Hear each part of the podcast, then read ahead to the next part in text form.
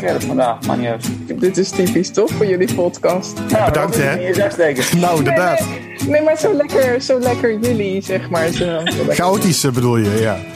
Ja, daar hou ik van. Ja, mijn moeder heeft eigenlijk daar een soort van nieuwe ziekte verzonnen. Dus toen eh, moest ik ineens een soort van reuma of een spierziekte hebben. Het is wel een heftig onderwerp, maar het is tegelijkertijd ook een super inspirerend en prachtig boek. Ik hoop echt dat mensen niet willen wegkijken, maar denken van, oh, dat gaan we steunen. Ja, Ja. Dat, moet, dat boek moet er gewoon komen, dat hoop ik. Volgens mij raakt het jou wel, eh, Nina, inderdaad, om voorgelezen te horen worden uit je eigen boek. Ja, dat had ik niet gedacht.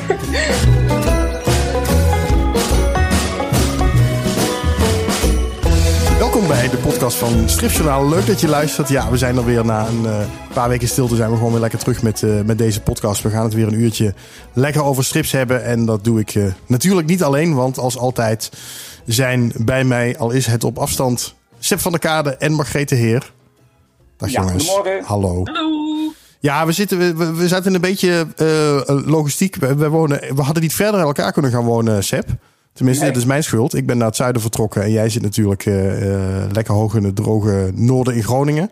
Ja, En, en Margreet daar precies tussenin in Amsterdam. Ehm, maar en daardoor is het logistiek wat ingewikkeld geworden om elkaar op te zoeken. En toen dachten nou, dan gaan we toch maar gewoon weer een Zoom-podcast opnemen. Dus eh, iedereen gewoon lekker thuis. ja. Ik dacht heel even dat jij de kerstboom nog had opstaan, Margreet. Maar dat is, dat zijn dat is gewoon allemaal mooie bloemen. Grote bloemen heb je achter je staan. Ja, plastic eh, bloem. Oh, plastic. Oh, dat is een beetje jammer. Maar goed. Ehm, en eh, nou, we hebben een hele leuke gast eh, in deze podcast. En ehm, dat is iemand die eh, tegelijkertijd ook een van de trouwste fans is van de podcast. Die altijd eh, heel vrolijk reageert. En dat is eh, Nina Blom. Dag Nina. Hallo, goedemorgen. Ja, ik word altijd heel blij van jouw reacties op deze podcast. Maar nu ben je zelf, eh, eh, word je onderwerp van gesprek. Ja, en ik ben altijd heel blij als ik naar jullie luister. Ik zit altijd in mijn eentje gewoon echt super mee te lachen en zo. Dus, en nou zit ik gewoon in de uitzending. Nu ben je er gewoon onderdeel van. Ja, dat betekent niet dat. eh, dat gaat natuurlijk niet zomaar. Want eh, dat is omdat je zelf bezig bent met een, een graphic novel. Of in ieder geval.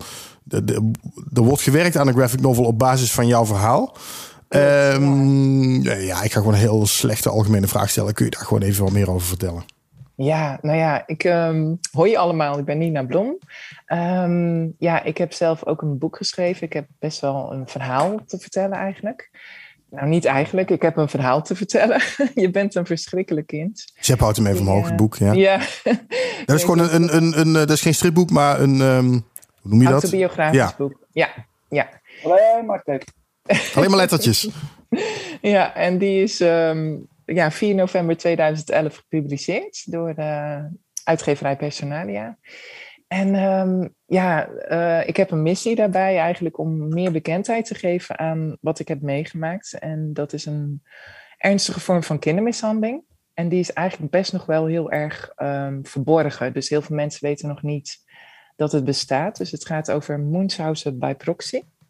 Ehm, ja, en eh, wij willen nu heel graag, dat is eigenlijk een idee van SEP, om, eh, om het boek ook te gaan verstrippen. Ja. Dus daar zijn we nu mee bezig. Ja, echt al een tijdje ook.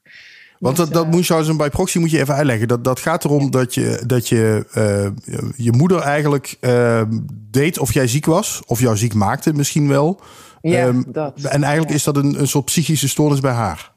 Nou, het is echt een vorm van kindermishandeling. Het is natuurlijk wel gestoord gedrag, hè, maar de definitie is daadwerkelijk Munchausen by proxy, oftewel pediatric condition falsification, dat is de nieuwe term, is een ernstige vorm van kindermishandeling waarbij heel vaak de moeder ehm, haar kind kan ziek maken op psychisch of op sociaal of eh, lichamelijk vlak.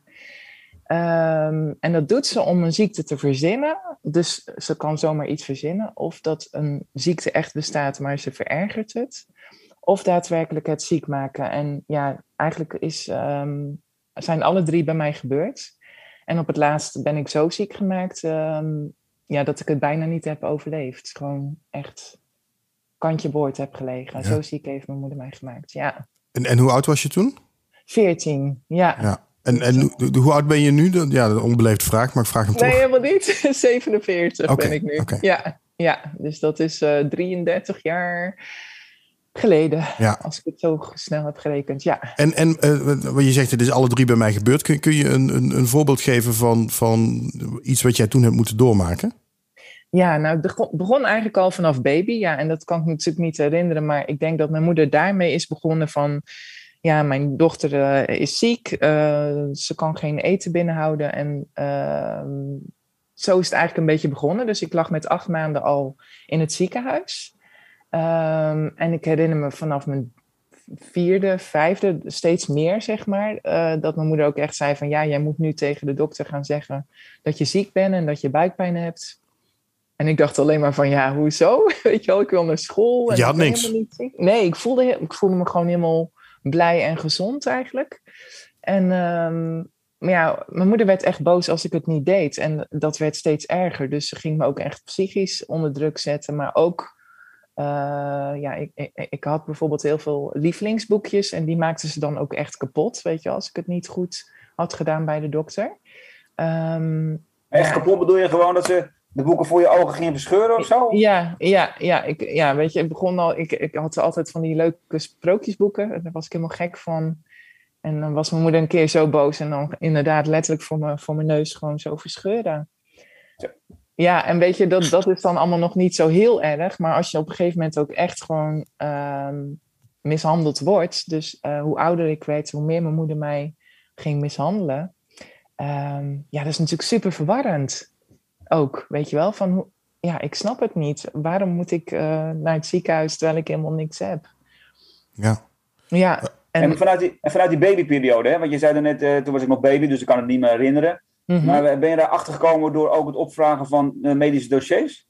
Ja, ook. Maar uh, ik had ook wel gewoon snel fragmenten van, weet je wel, dat ik in zo'n ziekenhuisbedje lag. Dus ik heb best wel traumatische ervaringen ook van onderzoeken. En um, ja, op het moment dat ik gered werd, zeg maar, werd mij ook uitgelegd wat er met mij aan de hand was. Want ja, ik had wel door dat het niet klopte. Maar ja, ik wist niet dat het over kindermishandeling ging. Ik wist wel dat mijn moeder, dat er iets met mijn moeder aan de hand was. Um, maar ja, wat dan, weet je wel? En toen heb ik um, ja, tijdens het schrijven van mijn boek, daar heb ik 21 jaar over gedaan. Um, dat is eigenlijk gekomen door een psycholoog die mij toen, uh, toen ik gered uh, was en ik leerde mijn handen weer langzaam te gebruiken, heeft deze psycholoog gezegd van, goh Nina, het praten vind jij heel moeilijk, maar zou je het misschien kunnen opschrijven? Want dat is heel erg belangrijk, ook voor je verwerking, ook voor later.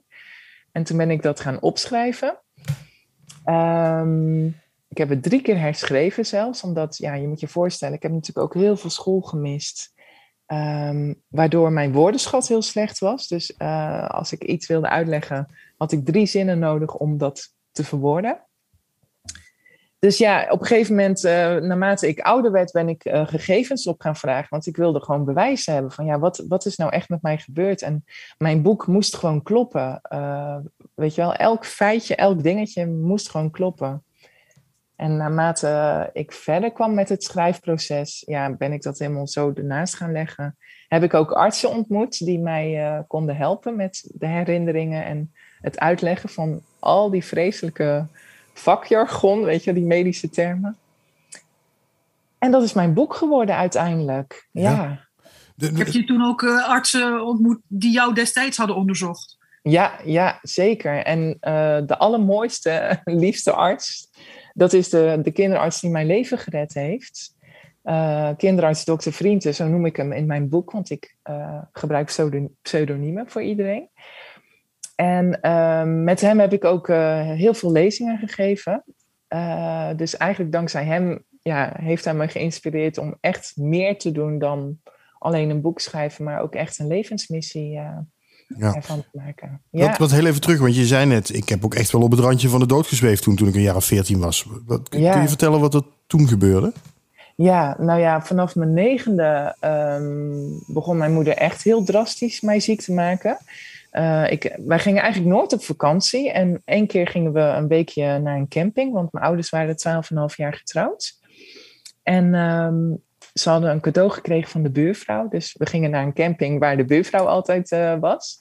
En nou, dat was één feest voor mij. Want ja, ik ging zwemmen. We gingen naar een kinderdisco. Dus ja, elke dag zwemmen. En echt hele dagen lang. En ik had één keer wat spierpijn.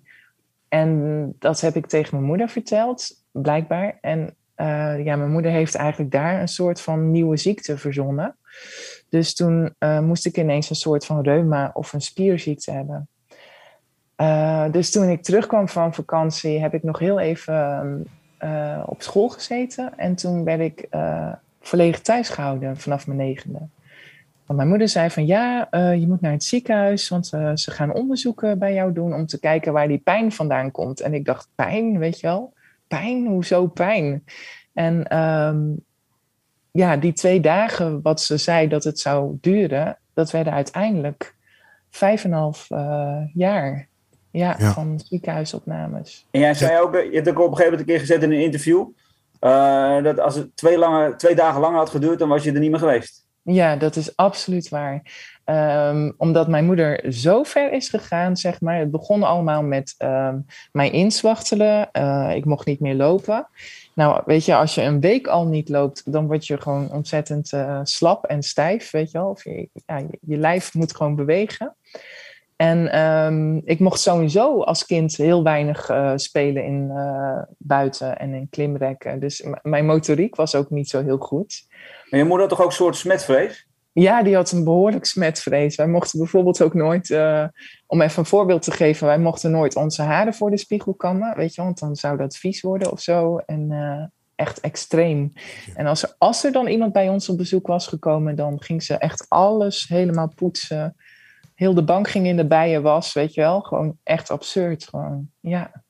En, en uh, um, als je zegt, nou, het had niet twee dagen langer moeten duren, dan was ik er niet meer geweest. Wat, wat was ja. je toestand dan? Wat, wat was er gebeurd met je dat het zo kritiek werd? Ja, nou, het werd zo kritiek, uh, Robin, dat ik op een gegeven moment gewoon volledig in bed werd gelegd. En uh, er kwamen ook geen mensen meer thuis. En mijn moeder heeft mij 21 pillen per dag gegeven.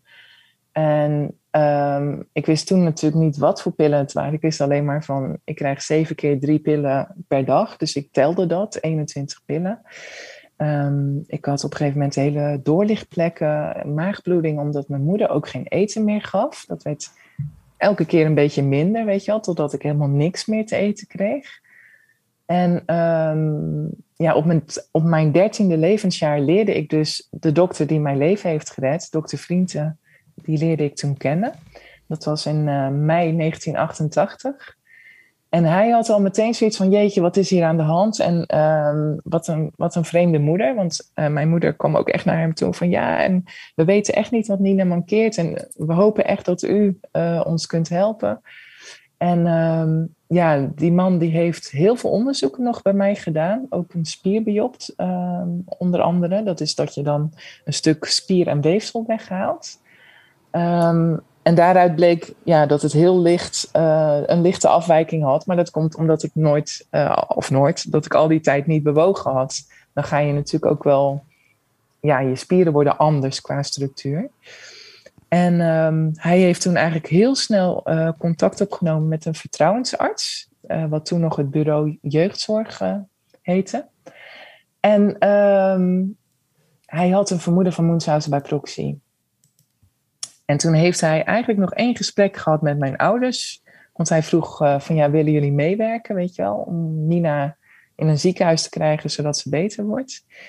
En toen had mijn vader gezegd op die allerlaatste avond, ja, een hond had je al lang laten afmaken. En um, met andere woorden, ja, ze wilde euthanasie op me, op me plegen. Ja, dus ja, letterlijk was die uh, kinderarts zo in paniek dat hij diezelfde avond, het was echt heel laat in de avond, heeft hij de officier van justitie ingeschakeld, de politie, de ambulance en de Raad voor de Kinderbescherming. En de volgende ochtend uh, stond ineens mijn, mijn slaapkamer helemaal vol met politie, ambulance en, uh, en mensen, weet je wel. Ik had heel ja. lang geen mensen gezien. Ja. En, en had je toen direct het gevoel, ik ben gered? Of hoe nee, nee, ik wist helemaal niet wat er aan de hand was. Dus ik was en ja, ik, ik, was, ik viel elke keer ook weg, omdat mijn moeder mij zo uh, vergiftigd had. Um, dus ik was in de war van wie zijn die mensen en ik was in paniek. En die vrouw zei van ja, we gaan jou nu meenemen. En ik zo ja, ik wil niet, ik wil niet, ik wil niet meer, weet je wel. Laat me maar gewoon doodgaan. Ja, het klinkt heel heftig, maar ik dacht echt van als ik nu weer naar een ziekenhuis moet, dan gaan ze weer onderzoeken doen. Ehm, ja, en toen werd me heel langzaam uitgelegd van nee Nina, we gaan jou echt helpen. We gaan jou naar een ziekenhuis brengen waar je weer beter kunt worden. Uh, maar pas toen ik één of twee dagen in het ziekenhuis was, toen kreeg ik door dat, het mijn, ja, dat, dat, dat ze me gingen helpen eigenlijk. Dus um, ja, dat is heel heftig geweest. Ja. Ja? Je zei van de, die, die arts kreeg een vermoeden van Münchhausen bij proxy. Um, maar hoe bekend is überhaupt Münchhausen bij proxy in, ook in de medische wereld? Wist ja, hij daar toevallig van of, of, of, hoort het bij de opleiding ook om dat te weten? Nou, nou, dat is een hele goede vraag, Margreet. Want juist in die tijd, zeg maar, uh, moet je voorstellen, ik ben in 1975 geboren en pas in 1977 heeft deze vorm van kindermishandeling een naam gekregen. Uh, door, Sir, uh, door Sir Roy Meadow, dat is een, een Brits kinderarts. En dokter Vrienden had dat artikel gelezen. Dat kwam uit 1978, dus dat is dan tien jaar verder, zeg maar in die tijd, hè, als ik even over die tijd praat. Dus ja, onvoorstelbaar. Ah, hij, het was een hele jonge kinderarts, dus dat hij dat door had en daar is onderzoek naar gaan doen, dat vind ik al heel knap. En dat het nog maar tien jaar een naam had. Dus echt, deze arts is gewoon ja, mijn held eigenlijk. Nog steeds, weet je, hij is vorig jaar overleden helaas. Um, maar hij zal altijd een onderdeel van mijn leven blijven. Ja. Ja. En, en heb je ooit uh, je moeder of je ouders hier nog mee geconfronteerd van... Hallo, wat hebben jullie me aangedaan? Ja, nou, ja, nee, eigenlijk niet. Ja, in de zin van... Um, ik kreeg bezoek onder toezicht van een camera. En uh, dat hebben ze gedaan omdat ze heel bang waren van... ja, als we het bezoek helemaal niet meer laten komen... zou dat heel traumatisch zijn. En ik ben zo dankbaar dat ze dat hebben gedaan. Dus het medisch team hè, van het ziekenhuis omdat op die banden ook het bewijs te zien is, weet je wel, van uh, um, ik dacht op een gegeven moment van, oh, ik ga die camera gebruiken om te bewijzen dat, ik, dat er iets met mijn moeder aan de hand is. En ik heb toen in één uur tijd, dus de allereerste keer dat ik bezoek kreeg, heb ik ook verteld wat de dokters mij vertelden hadden, uh, dat ik niet ziek was. Dus ik heb 18 keer gezegd in één uur tijd, mama, ik ben niet ziek, weet je. En je zag verwoesting en Ehm, mijn moeder deed heel uh, gewiekst, ging ze dan net doen alsof ze mij een kusje gaf. En dan fluisterde ze in mijn oor van, goh, je wilde toch dood, weet je wel? Of uh, ja, dat soort dingen. En uiteindelijk um, heb ik aangegeven van, ik kan, ik kan het niet meer volhouden. Dus na een half jaar dat ik daar nog steeds lag in het ziekenhuis om te herstellen, heb ik gezegd van, het gaat niet goed, weet je wel? Want ze, blij, ze bleven me maar dreigen en en uh, naardoen en manipuleren. En toen is het bezoek gestopt. Ah, je zegt manipuleren en bedreigen. Wat, wat, wat zijn ze dan nog meer? Ja, nou ja, je moet je voorstellen, ondanks die camera, zeg maar, uh, ja, je weet wat ik gezegd heb. En je ben, uh, als je erachter komt dat jij niet ziek bent, dan maak ik je af. Weet je, dat is wat ze altijd al die jaren heeft gezegd. Dus ze zei eigenlijk alleen maar tegen mij: Je weet wat ik gezegd heb in mijn oor. En dan wist ik al van, ja, weet je, uh, ik was ook heel bang om weer terug naar huis te moeten. Maar hoe ze het ook zei, was ook heftig, hè? Want ze heeft als ik tegen jou gezegd, ik ga je in stukken snijden. Ja, precies. Het werd echt, ja, het werd van kwaad tot erger, inderdaad. Heftig, je, ja, je, je, kunt het je niet voorstellen, maar ja, zover gaan deze ja. plegers. En, en, en je zegt op een gegeven moment is dat bezoek gestopt en, en daarna heb je nooit meer contact met ze gehad? Uh, ja, in mijn boek schrijf ik daar heel kort iets over. Ik heb uh, een hele nare ex gehad die mij gedwongen heeft om, om geld te vragen aan mijn ouders. Omdat ik toen uh, schulden had door zijn toedoen, eigenlijk door die nare ex. En dat is heel traumatisch geweest, want dat wilde ik helemaal niet, letterlijk. En um, ja, toen hebben ze me echt nog heel lang gestalkt en gedaan.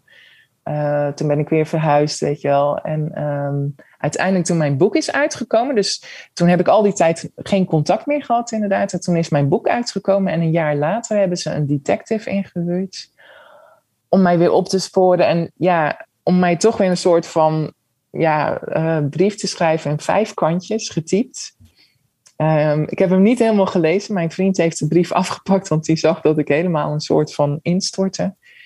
En er stond heel veel verwijten in dat ik uh, met mijn boek gelogen had. En dat uh, de flat waar ze woonden, die mensen herkenden zich. Uh, die herkenden mij ook, ondanks pseudoniem. En um, ja, het genot van hun woonleefomgeving was door mijn schuld helemaal verstoord geraakt. Ja. Dus ik heb die brief terug in de envelop gestopt um, in een doos als een soort van bewijsmateriaal. En ik ben naar de politie gegaan om een mutatienummer aan te vragen. Ik heb nog wel overwogen om aangifte te doen, omdat ik erachter kwam... Wat is dat? Een mutatienummer aanvragen? Ja, een mutatienummer, dat is dat je uh, een nummer krijgt van de politie. Dus je moet heel je verhaal doen eigenlijk. En dan krijg je een nummer dat als ze op, weer op de stoep uh, staan... en je belt dat nummer en je geeft dat nummer door... dan hoef je niks uit te leggen. Oh. Dan komen ze met spoed naar je toe. Um, en ik heb dus ook overwogen om alsnog aangifte te doen. Want ik kwam er dus achter in 2009, vlak voordat ik mijn boek, uh, publiceerde. Liet publiceren, moet ik zeggen. um, ja, toen uh, kwam ik erachter dat er nooit aangifte is gedaan. Dus mijn ouders zijn echt heel goed vanaf gekomen. Ze zijn een half jaar geschorst uit de ouderlijke macht. Met verlenging van twee maanden. En dat is uiteindelijk in een OTS, een ondertoezichtstelling uh, verder gegaan. En ja, dat is hier in Nederland echt een hele milde straf. Zeg. Maar wie wordt dan onder toezicht geplaatst? Zij worden onder toezicht geplaatst. Ja, dus ik kreeg zeg maar een voogd toegewezen. En uh, ze bleven dan wettelijk nog wel mijn ouders. Maar ja, als je zoiets hebt gedaan, dan zou je eigenlijk gewoon ja, uit je ouderlijke macht ontzet moeten worden. Ja. Nou ja, sterker nog, er zijn natuurlijk nu nog ook daders. Uh, en als die uh, zoiets hebben gedaan, wat, wat, wat is dan nu de strafmaat die daarvoor geldt? Ja, ze gaan nu wel, uh, ze lopen een beetje achter, maar nu wordt er wel uh, straffen voor gegeven, inderdaad, uh, voor zover ik weet. Het gaat nu wel die kant op, zeg maar. Maar het is, ja, in de Verenigde Staten zijn ze daar wat verder mee. Dan krijgen ze meteen gevangenisstraf. En hier, ja. ja. Want je vader, die leeft nog, hè? Die leeft nog, ja. Maar die, zou niet, die kan niet meer strafbaar worden gesteld? Ja, dat weet ik niet. Ja, dat, ja, nee, ja, ik denk het niet. Want dat was natuurlijk mijn moeder die het uiteindelijk deed. Het is de pech dat mijn vader wel meeging in het gedrag. Maar uh, ja, weet je, ja, ik heb het zo overwogen. Ga ik het nou alsnog nog doen? Maar weet je wat het is? Ze erkennen het niet. Dus dan ga je een rechtszaak beginnen, zeg maar. Uh, wat alle littekens weer openmaakt. En ja, ik wil eigenlijk gewoon mijn leven um, verder leven zonder ja, zonder die pijn, zeg maar, zonder die confrontatie. Ja, want heb je het gevoel dat je het nu verwerkt hebt? Uh, jawel, ik, ik heb echt heel lang uh, therapie gehad. Uh, het boek heeft mij heel erg geholpen. En, maar ja, er zijn natuurlijk altijd wel momenten dat het weer even wat, wat ja, open maakt of zo, weet je wel. De, het blijft altijd wel met je meegaan. Alleen, ik kan er wel heel goed mee omgaan. Zeker. Je treedt er nu zelf mee naar buiten eigenlijk ook. Dus dat is, en dat is misschien voor de verwerking ook heel goed. Ja, niet alleen voor mijn verwerking, ja, vooral voor mijn verwerking geweest. Maar nu zie ik het ook echt als van ja, weet je, ik kan er andere kinderen mee helpen. Een missie. het is een missie. Ik kan professionals uh, voorlichting geven. Ik heb me er helemaal in verdiept. Um, en het is ook heel fijn om dit te doen. Dat klinkt heel gek misschien, maar oh, je, je, je ziet gewoon dat het uh, iets goeds doet, weet je wel. Ja. ja. Ik vind het een ongelooflijk heftig verhaal. En ik. Um dit vind ik wel opvallend. Nou, we kennen elkaar niet heel goed, maar je was toen bij, uh, daar heb ik je voor het eerst gezien bij die opname die we toen hadden in Tilburg in de bibliotheek. Uh, Opname van de podcast.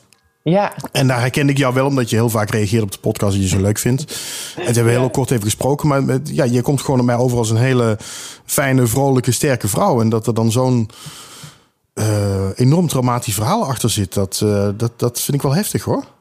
Ja, maar ook wel fijn, toch? Dat je niet, je, ja, je ziet het niet. En dat, dat nee, dat is heel mooi. Ja, ja, ja. En, en ja, weet je, um, dat, dat vind ik zelf ook heel fijn.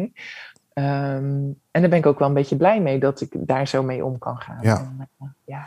En als we dan nu, want dat is de, uiteindelijk de reden dat we jou nu spreken, want er wordt nu een stripverhaal van gemaakt, een, een, een graphic novel. Um, hoe, hoe uh, het wordt gemaakt door René Rinties en Willem Ritstier. Ja, zeker. Um, maar op basis van jouw verhaal, hoe, hoe, hoe moet dat er als strip uit gaan zien?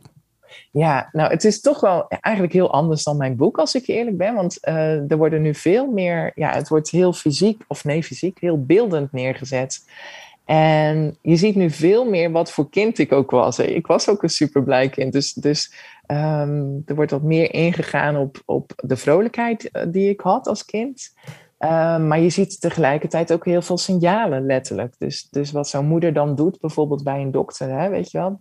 En dat beschrijf ik ook wel in mijn boek. Alleen het is nu veel helderder. Dat is mijn uh, kijk erop. En um, het is ook toegankelijk omdat het vanaf, ja, voor, ook voor kinderen vanaf 12 jaar is. Dus uh, voor jong en oud. Ja, en dat is het verhaal dat uh, wordt verteld vanaf, uh, nou, tot en met moet ik zeggen, tot het moment dat jij wordt gered zeg maar, door dokter Vriend. Hè?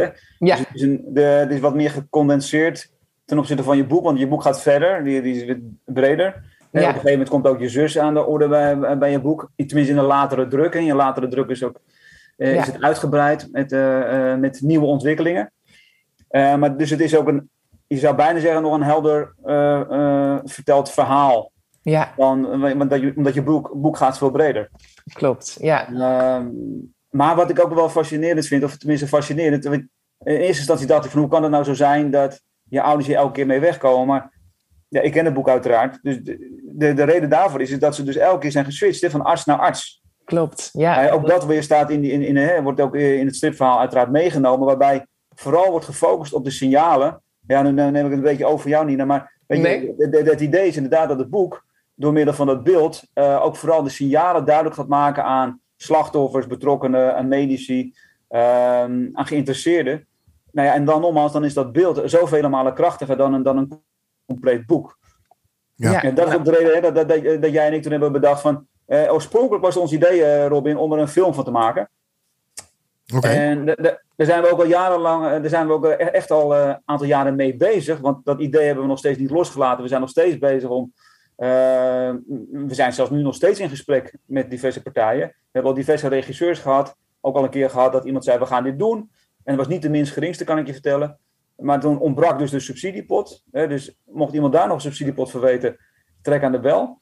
Maar, de, maar, maar, dat is voor ons het ultieme doel, hè, dat we er daar een film van maken. En nou ja, dat is tot op heden niet gelukt. Toen hebben we hè, een luisterboek ervan gemaakt met Isa Hoes. Die we ook perfect zagen als een, als een actrice binnen de film. Maar we denken, nou ja, kunnen we haar niet in, in, hè, van top tot teen krijgen, dan in ieder geval haar stem. Dus daar hebben we een luisterboek van gemaakt. Uh, en van daaruit dachten we van, nou ja, als we het maar gewoon visualiseren wat Nina en ik voor ogen hebben met de film. Misschien is dan die drempel naar een film ook weer wat lager. En toen kwam inderdaad het idee van, laten we daar een graphic novel van maken. Want dan zie je ook hoe filmisch het verhaal verteld kan worden. Ja. Zeker, zeker. En weet je wat het ook is? Uh, ik had als kind ook echt wat meer erover willen lezen. Weet je wel, een uitleg. Wat is het? En, en, en dat je leert dat het ook niet jouw schuld is. Weet je, dat je, dat je niks eraan kon doen, dat je mee moest liegen. En weet je wat het is? Elk kind reageert anders op welk iets, welk trauma dan ook. Um, maar hierin word je zo gemanipuleerd als kind dat je bijna ook jezelf gewoon kwijtraakt. Weet je wel? Van, um, dus ik wil het ook voor de kinderen meegeven ja. dat dit toegankelijk is. Ja. ja. ja. De, um, er loopt nu een crowdfunding voor. Ja. Uh, er moet 20.000 euro opgehaald worden. Hij staat nu bijna op 6.000 euro. Dat is nog wel een lange weg te gaan. Het is rete spannend. Echt, ik, het is echt ongelooflijk. Ja, echt. Uh, en hard werken om, om, om het. Ja, weet je wel, om mensen te overtuigen dat het. Het is wel een heftig onderwerp, maar het is tegelijkertijd ook een super inspirerend en prachtig boek, weet je wel. Um, en uh, ik hoop echt dat mensen niet willen wegkijken, maar denken van, oh, dat gaan we steunen. Ja, Ja. Dat, moet, dat boek moet er gewoon komen, dat hoop ik. Want ja, want als je die 20.000 niet haalt, dan, dan, dan is het hele project weer van tafel. Of uh, hoe werkt dat? Moet misschien nou ja, even dat- aankijken. dat is niet helemaal waar. Wacht even, ik even mijn stoel weer. Mijn stoel zakte naar beneden. maar je weet het... eh, ja, ik, ik ben weer ook weer een kilootje aangekomen, denk ik. Maar, de, ehm, maar die... nee, nou ja, het gaat dan langer duren, Robin. Eh, maar eh, Nina en ik hebben al meer dan tien jaar inderdaad een samenwerking waarbij we nooit opgeven. Want eh, Nina is voor mij een inspiratie in de zin van dat zij ook nooit opgeeft. En dat doen we dus met de film niet, dat doen we niet met een, met een, met een boek niet, dat doen we niet met een luisterboek. Ook hiervoor geldt, op het moment dat het er nog niet is, dan het gaat er komen. Alleen het kan dan misschien een paar jaar gaan duren.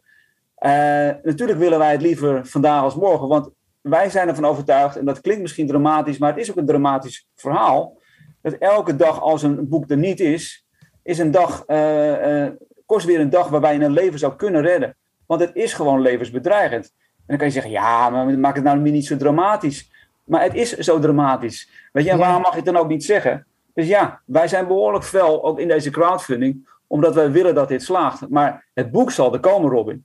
Alleen wij hopen inderdaad. Het zijn het... vijf kinderen per jaar in Nederland die hier aan overlijden. Hè? Ja, en dan alleen wat er gezien is. Dus ja. dat is alleen wat er gemeld is bij Veilig Thuis. Maar er zijn nog zoveel kinderen die verborgen zijn. Die, weet je, kijk, als ik was overleden die twee dagen later, want ik geloof echt geheid dat dat gebeurd was. Ik was er zo slecht aan toe. Dan had misschien niemand erachter gekomen dat ik slachtoffer was van Moonshouse bij Proxy. En ik geloof gewoon, ik weet niet of het gek is, maar dat dit mijn levensmissie is. Dit moet gewoon verteld worden. En vooral in coronatijd zijn er zoveel, sterker nog, echt zoveel berichten uh, gekomen van mensen die vermoedens hebben. Laatst is er een heel groot artikel. Ja, oh sorry. ik, ik, ik, ik, val jou in de reden, maar wat ik zo bijzonder vind van jouw verhaal is dat, je, ik ergens las dat jij nog voordat je gered werd, toen je daar zo op bed lag, eh, totaal machteloos, in je hoofd had van als ik hier doorheen kom, dan wordt dit mijn missie. Ja, zeker, zeker. Zo Want, jong al, ja. Zo, zo jong al. Ik was al een jaar of tien dat ik een meisje zag liggen en ik dacht van, oh, heeft dat meisje zo'nzelfde moeder als ik, weet je wel. En uh, ik ben toen ook uh, dingen gaan onthouden, weet je wel, uh, artsnamen, weet je, had ik allemaal ezelsbruggetjes voor, van dat moet ik onthouden. Nou, en dat ben, dat ben ik dus later helemaal gaan uitwerken. Die moet ik opzoeken en die, ik heb niet alle artsen teruggevonden, maar wel heel veel. En zo ja, heb ik er mijn missie van gemaakt, want weet je, ook nu weer in de media, er zijn gewoon in één week tijd al iets van vier mensen die uh, mij benaderd hebben met vermoedens. En als je bij het artikel kijkt, hoeveel meer mensen er nog meer vermoedens hebben, maar mij nog niet benaderd hebben, weet je wel. Dat is gewoon zorgwekkend. Ja. Ja. Ja, en het gaat ook veel verder dan alleen maar de persoon. En in dit geval is het dan Nina. Maar Nina had ook een zus, maar het gebeurt soms ook met huisdieren. Het, het, het is, een, het, is een, een, het is een hele ernstige vorm van mishandeling. En niet per definitie kindermishandeling, hè, maar het kan ook met, met, met huisdieren gebeuren. Om maar die aandacht te, te vestigen uh, op de dader dus. Hè. De dader wil gewoon gezien worden. Ja. Um, waarbij ook, en dat was volgens mij ook bij jouw moeder zo, zich, zichzelf ook uh, ja. Hè. Dus uh, ze maakt zichzelf ook ziek om maar aandacht te krijgen van die doktoren. Ja. Dus het beperkt zich niet alleen maar tot, tot bijvoorbeeld een Nina, maar het, het gaat veel verder dan dat. Ja, zeker. En, en ja, ook huisdieren overlijden hieraan. Ja. En 60% van de uh, broertjes en zusjes zijn ook slachtoffer. Want hoe is het met jouw zus dan? Ja, ik, ik, kan daar niet al te veel over vertellen, omdat ik uit respect, uh, ze wil niet te veel in de media genoemd worden, maar ja, zij is ook slachtoffer, dat, dat uh, kan ik wel vertellen. Ja. Uh, slachtoffer geweest en vooral op psychisch vlak. Um, maar ja, nogmaals, uit respect voor, voor, voor, voor, mijn zus vertel ik daar dus niet te veel over, omdat, omdat ze dat moeilijk vindt. Jullie zijn ook tegen elkaar opgezet, hè? Want je dacht dat jouw zus jou helemaal niet meer wilde toen je. Ja, klopt. Ja, klopt. Dus ja, en dat, dat maakt het extra verdrietig ook, zeg maar. En um, ja, ik hoor natuurlijk heel veel verhalen dat ook broertjes en zusjes slachtoffer zijn, huisdieren overleden zijn. En heel soms ouderen slachtoffer kunnen zijn. Ja. Dus. Nou ja, wat, ook, wat, ik, wat ik ook belangrijk vind om even te benadrukken in, dit, in, de, in, deze podcast, is dat alles wat jij hebt verdiend de afgelopen jaren.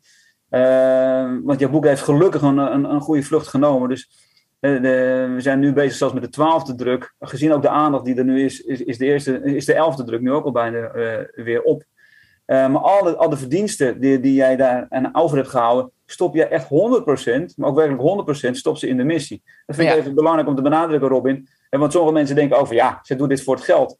Nee, dat doet ze dus helemaal niet. Ze stopt werkelijk alles, al het geld, dat, dat kan ik dus onderschrijven, Um, als zij naar haar uitgever, stopt ze allemaal in die missie. Ze gaat naar lezingen en ze, en ze doet dat voor een habbekrats. Weet je? Ze, ze vraagt er heel weinig geld voor, om, om, maar, om maar ook gewoon ook aan studenten die heel vaak een lager uh, budget hebben of helemaal geen budget, om toch haar verhaal te kunnen blijven doen. En Nina, dit kan jij niet zeggen, daarom zeg ik het voor jou. Dus dat is buitengewoon mooi. Ja. Hoe jij op die manier echt 100% inzit, alleen maar om die missie uit te dragen. En daarom is het ook zo belangrijk dat. Nou, wat ik trouwens ook heel mooi vind, is je maakt alleen niet de mensen bewust, maar je laat ook mensen zien dat ondanks de enorme littekens, dan vooral van binnen, die jij hebt, dat je nu, zoals je nu hier zo stralend zit, Ja. dat dat dus kan. Hè? Dat je dus Ja. ook vanuit een enorm diep dal, nou, wat Robin ook al heel mooi zei, een mooi, vrolijk mens kan zijn. Nou, die kracht vind ik heel mooi. Ja, ja, maar dat is het ook. Weet je, ik, ik, ja, het klinkt heel gek, maar toen ik gered was, dacht ik ook echt van: oké, ik ga weer naar school. Sinds zes jaar, weet je wel. Ik, ik had heel lang geen onderwijs gehad. En ik vond het super eng om, om weer eh, leeftijdsgenoten te ontmoeten. Maar het, het, het ging allemaal zo goed. En ehm, ik heb ja, toch wel echt een leven op weten te bouwen. En dat wil ik ook meegeven. Dat ondanks, en dat komt ook echt in mijn boek voor, ook in de graphic novel ondanks zo'n verziekte jeugd kun je echt gewoon nog heel goed uitkomen, weet je wel. Ja. Dus, dus daarom zeg, zei ik ook, het is niet alleen een heftig verhaal, maar het is ook een inspira- inspirerend verhaal voor heel veel mensen, kinderen, professionals. ehm, Ja. ja. En, en wanneer zou de graphic novel er moeten zijn? ja, ik hoop dus echt begin volgend jaar, als we deze... Als de crowdfunding lukt. Ja, Ja. als de Ja. crowdfunding lukt, ja. Nou ja, je Ja, sorry, maar Robin, daar wil ik ook wat aan toevoegen. Kijk, de, Willem en, en eh, René Rienties, Willem Ritstier en René Rienties. En voor, voor eh, René Rienties is dit haar eerste echte grote eh, verhaal. Ze heeft natuurlijk al meerdere dingen gedaan, maar dat zijn kortere verhalen. En ze is initiator van heel veel, van heel veel stripactiviteiten. En Willem Ritstier is natuurlijk een, een, een, een, een di- dinosaurus binnen de stripwereld. Met weet ik veel hoeveel strips op zijn naam. Nou, die twee die hebben we samengebracht. Maar ook zij, ze hebben zoiets van, ja, weet je, wij doen het sowieso, maar dan in ons tempo. Weet je, en, en dat is het. Dus ook zij staan er overigens helemaal niet in voor het geld. Want er is me ook wel een keer eh, te horen gekomen dat iemand zei van, ja, maar waarom, weet je, maar waarom crowdfunding? Laat die uitgever dus gewoon die stripmakers gewoon betalen, die drukkosten betalen. Nou ja, in, wat, hoe, hoe het werkt in de normale uitgeverijwereld, dat is dat heel veel eh, makers worden betaald op basis van royalties. En royalties zijn in veel gevallen, in 9 van de 10 gevallen, is dat na de hand. Weet je, je gaat kijken hoeveel is er verkocht. Nou, er zijn bijvoorbeeld duizend boeken verkocht voor een tientje. Royalties krijg je normaal gesproken 10%, dus dat is een euro. Dus dat zou betekenen dat René en Willem, die krijgen dan van 1000 euro, kunnen ze het verdelen. Dus de een 500 en de andere 500. dus niet veel. En er zijn gevallen, en dat, maar dat is meestal bij de gearriveerde stripmakers of auteurs, hè, schrijvers. Want wij doen ook gewoon een normale boek uitgeven, zoals bij Nina ook het geval is geweest al tien jaar lang. Ja, je kan dan soms een voorschot krijgen. Nou, bij de een is dat 1 of 2000 euro. En bij de ander is het misschien wel 20, 30.000 euro. Afhankelijk van hoe groot en kapitaalkrachtig de uitgeverij is. Of hoe groot de potentie is van een bepaald boek. Ehm, en wij hebben juist gewoon bedacht van wij willen, en wij dachten ook, en wij denken nog steeds, dat met zo'n maatschappelijk bewogen onderwerp als dit, dat als we nu een crowdfunding doen, dan kunnen wij de stripmakers vooraf, dus niet achteraf, maar vooraf al belonen voor hun werk. Want zij stoppen er inderdaad heel veel tijd en energie in. En in de praktijk is gewoon dat heel veel boeken, in zeker in deze tijd, die komen niet boven de verkoop uit van 1000 tot 2000 stuks. Reken dat om in je royalties van zeg maar 10%, die een strip maken, een striptekenaar en een schrijver ook nog eens een keer met elkaar moeten delen, dan houden ze er wat is. 500.000 euro aan over? Nou, dat vinden wij gewoon te weinig. En wij denken ook niet dat het nodig is met zo'n belangrijk boek. Dus daarom hebben we die crowdfunding gedaan. Zoals we dat nu doen, dan hopen wij en verwachten wij dat wij eerder met een fatsoenlijk bedrag naar die stripmakers kunnen gaan. Want in 9 van de 10 gevallen krijgen stripmakers dus helemaal niet, niet of nauwelijks een beloning voor hun werk. En dat is de reden dat wij hebben gezegd, dat gaan we door middel van crowdfunding doen, met het positieve effect. En dat is ook het, dat heeft de Margreet ook altijd uh, gepropagandeerd. Een crowdfunding is niet alleen om geld te halen, maar het is ook om aandacht te genereren. En door die aandacht die we nu hebben gehad, durf ik ook te beweren hè, dat, we, dat Nina een, een, een, een interview heeft gehad met RTL Nieuws. Met gigantisch veel kijkers. Dus dat heeft al een heel veel positief effect gehad. Gaan ze allemaal doneren? Nee, helaas niet. Weet je, want we zitten nu, met, met, met nog niet eens 20 dagen te gaan, zitten we nog maar op, ik zeg maar, want ik vind het echt weinig, uh, nog op niet eens 30 procent. Dus, dus dat, dat, dat, nou ja, dat verbaast me. Maar aan de andere kant uh, daagt het ons ook weer uit om nog weer creatief te worden. En te kijken wat we kunnen doen. Ja, daarom, je hebt nog heel wat dagen te gaan.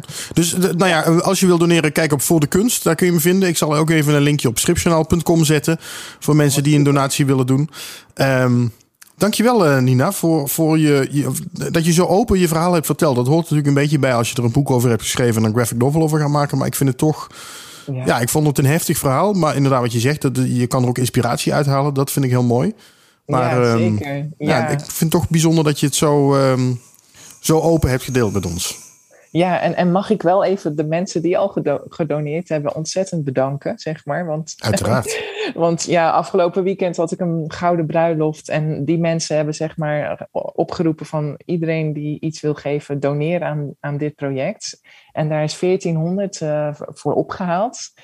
Ja, dat vind ik zo'n warm gebaar. Dus ik hoop echt dat meer mensen zoiets eh, zouden willen doen. En eh, ik ben heel dankbaar. En ook dat ik hier mocht zijn trouwens, echt. Nou ja, en en Robin, en vergeet Robin niet, hè, want de, de, Ja. de donaties zijn anoniem, maar wij kunnen Ja. de schermen kijken. Robin heeft Ja. ook gedoneerd. Ja, ik vond deze wel. Ja, ik vond deze Ja. toch te, te bijzonder om te laten liggen. Dus ik, ik heb En een steentje bijgedragen. En, eh, Dankjewel, Robin. Ja, echt. En, eh, en, en voor, voordat ik eh, de, de- die uitzending heel erg lang maak, eh, maar ik wil het toch ook nog eventjes zeggen, want Margreet hè, achter de schermen doet ook gigantisch veel voor dit project.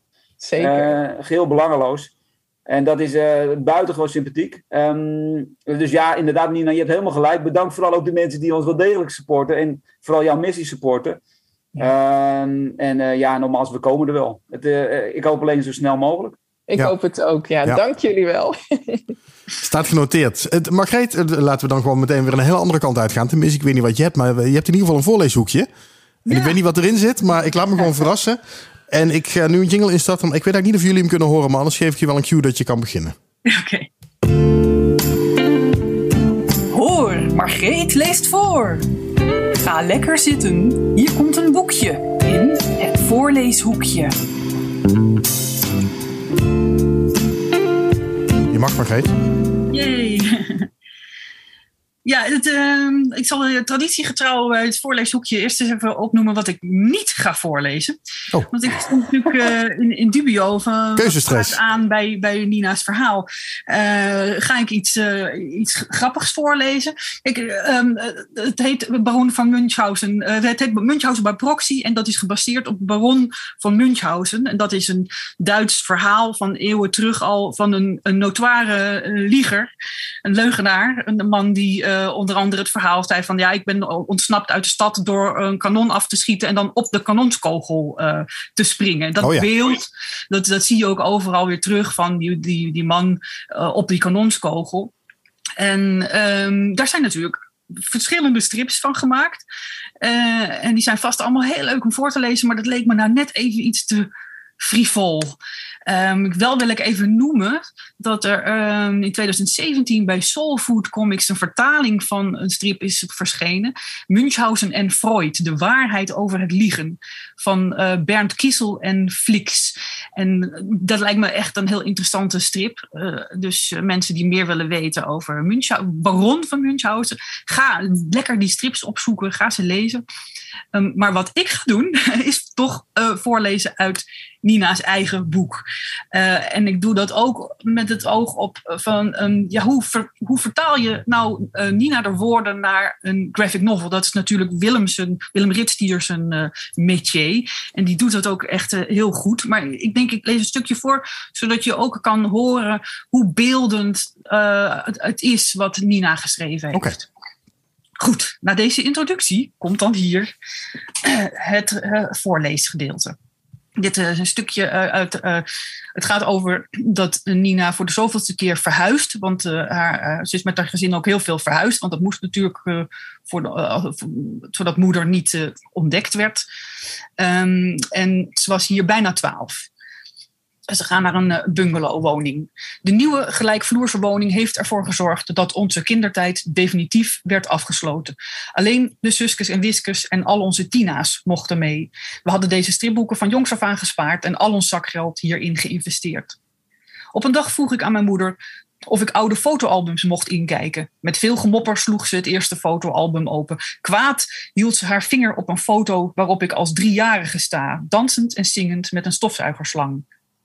Hier, moet je eens kijken wat een verschrikkelijk kind je bent. Je was hier zo'n branischopper en zo overdreven vrolijk. Je wilde altijd in de schijnwerper staan met je vrolijke gedoe, snauwde ze. Ik keek haar met grote verbaasde ogen aan. Ik vind jou een verschrikkelijk kind, hoor je wat ik zeg? Ik verstarde toen ze dit zei. Hoe kon ze dat nou zeggen? De vrolijkheid op de foto's vervaagde in een sombere grijze massa. De Nina die ik zo graag wilde zijn, maar niet mocht zijn. Mama sloeg de bladzijde om en ik zag een kleine jarige Nina die met haar handjes in de lucht naar de slingers wees. Een mooie en vrolijke glimlach op het vierjarige kindersmoeltje. Hier, nog zo'n uitbundige foto van jou. Ik haat je, herhaalde mama nog een keer. De foto's werden vegen voor mijn ogen. Ze klapte het boek dicht en legde het resoluut in de kast terug. Boos stapte ze mijn kamer uit. Ik hoorde haar kuchje door de gang galmen. Haar slippers bleven aan haar voeten kleven. Snap, snap, snap.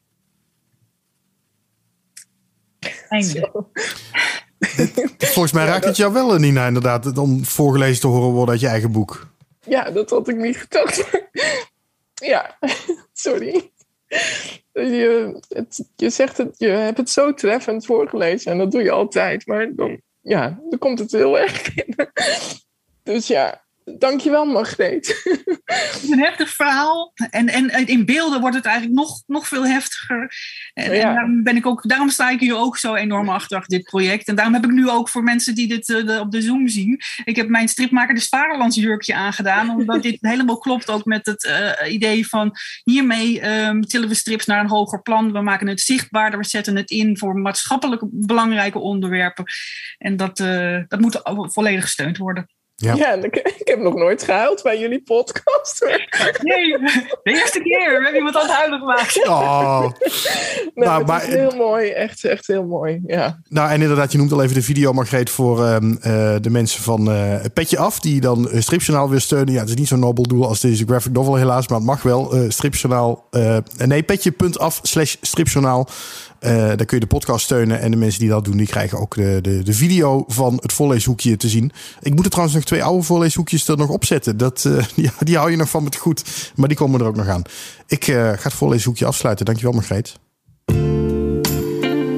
Dat was het weer. Tot de volgende keer bij het voorleeshoekje van Margreet de Heer. Nou, ben je weer een beetje bijgekomen, Nina? Ja, zeker. Zo. We zijn er weer. Dankjewel. Nou, we, zijn, we zijn bijna aan het eind uh, van deze toch wel bijzondere podcast. Um, ik heb nog een uh, prijs weggegeven. Want uh, de vorige keer, ja, het is alweer een tijdje terug natuurlijk, maar hebben, zijn we bij Coco Ouwekerk geweest. Um, en dan heb ik nog twee mooie gesigneerde stripalbums. Ik hou ze even voor de camera, voor de mensen die meekijken. nou ja, van, heb ik nog meegekregen. Um, nou, gesigneerde albums. Leren met strips. De, de, de, de uh, lesbrief van uh, Margreet zat er ook nog bij. Um, nou, en daar hebben we een mooie winnaar voor. Dan moet ik even kijken wie dat ook alweer was. Wie zich had aangemeld op stripjournaal.com slash actie. En de prijs gaat naar Marieke van den Vlekkert. Uh, applaus. Oh ja, die heb jij. Ja. Onder de knop. Ja, jullie hoorden het dus wel. Ja, ik hoor hem wel. Ja, dat is fijn. Um, daar hebben we het er niet over gehad, Seb. Maar ja, de, en de graphic novel moet er natuurlijk nog komen. Maar kunnen we alvast afspreken dat we er eentje kunnen weggeven misschien in de volgende podcast? Ja, ja, ja laten we dat gewoon doen. Als hij er is. Nou ja, dat, dat is dan even de vraag. En anders wordt het misschien het gewone boek uh, van Nina. Um, maar dan ja. mag jij in, uh, in ieder geval een codewoord verzinnen, Nina. Een codewoord, oh jee. Ja, ook dat nog. Die mensen dan kunnen invullen op stripjournaal.com slash actie. En als je dan daar even je uh, naam en adres en het codewoord achterlaat... zodat we weten dat je naar deze leuke podcast hebt geluisterd... dan maak je kans op de graphic novel of het boek van Nina over... Ja, ja nou, dan ga ik toch naar Margreet. Lieve Margreet, dat is het codewoord. Lieve Margreet, oh, zo'n mooi codewoord hebben we nog nooit gehad. Stripjournaal.com slash actie, lieve Margreet. Ja, ja dat, is, uh, dat is mooi. um, ja, volgens mij hebben we dan alles wel zo'n beetje gehad, in de, denk ik, in deze podcast, jongens. Of hebben jullie nog iets toe te voegen? Nee, ik, wederom vind ik het super dapper dat uh, Nina hier gewoon zo, zo stralend zit. Uh, want je merkt het op het moment dat uh, Margreet dit zo opleest, uh, voorleest. je kan trouwens in de voetsporen treden van Isa Hoes, want je deed dit inderdaad erg goed. ja. um, maar, maar, dan raakt het, weet je. En dat is nogmaals, daarmee onderstreept ze de urgentie volgens mij. Ehm, dus ik, vind, nou ja, ik, ik, ik, zal het ook even zeggen, ik, ik vind het echt top hoe je dat doet, Nina. Dus complimenten dat je hier weer zit. Ja, en, en, jullie enorm bedankt. Ik, ja, gewoon, en Robin, jij ook ontzettend bedankt dat ik hier mocht zijn. En ook voor je steun. En, ja. Margreet, Ja. Nou, eh, eh, dankjewel. Ja, ik vond het. we- we- eh, eh, ik dacht, we moeten gewoon weer even. Sowieso dacht ik, we moeten weer een podcast maken. Ehm, eh, en, en toen kwam jouw verhaal voorbij. Toen dacht ik, ja, die moeten we gewoon doen. Dan doen we gewoon even een Zoom-podcast. Ehm, ik ga heel even kijken hoe we dan nu weer verder gaan. Want nou ja, ik zat te denken, gaan we er meteen een zomerstop in gooien en pakken we na de zomer de draad weer op een goede manier op. En toen kregen jullie allemaal ideeën, Sepp en Margreet, om samen een soort zomerpodcast te gaan maken. Toen dacht ik, oh, vind ik ook wel weer leuk. Ehm, dus we moeten heel even kijken hoe we. eh, nou ja, het is, het is een beetje plannen voor deze podcast. Maar hou de feed in de gaten en dan zie je vanzelf wel weer nieuwe afleveringen binnenkomen. Maar ehm, voor nu zeg ik eh, dankjewel. Bedankt voor het luisteren. Ehm, wat moet ik dan? Oh, dan moet ik nog altijd nog zeggen dat je natuurlijk eh, naar Instagram kan, eh Stripjournaal. En Twitter Stripjournaal. En Facebook Stripjournaal. En soms staat er een eentje achter en soms niet. Ik weet het allemaal niet meer precies. Maar laat even een rating achter en een duimpje. En eh, laat even weten wat je ervan vindt. Vind ik heel leuk. Ik ben altijd heel blij met de reacties van Nina. En dat, dat, dat helpt enorm. Dus geef gewoon even een reactie. Laat even weten wat je ervan vindt. En dan graag tot de volgende keer. Doei. Dankjewel. Doeg. Nou, top zeg. Wat, Goed. wat, zijn, jullie, wat zijn jullie leuk. Nou, ik vond het ook ik vond het, eh, heel bijzonder. ja, zeker. Goed. En ik, Maar jij moet door, door Robin. Ja, ik moet door. eh, We spreken elkaar weer. We bellen nog wel even over het vervolg en zo. is goed. Succes. Oké. Hoi. Hoi. Doei doei.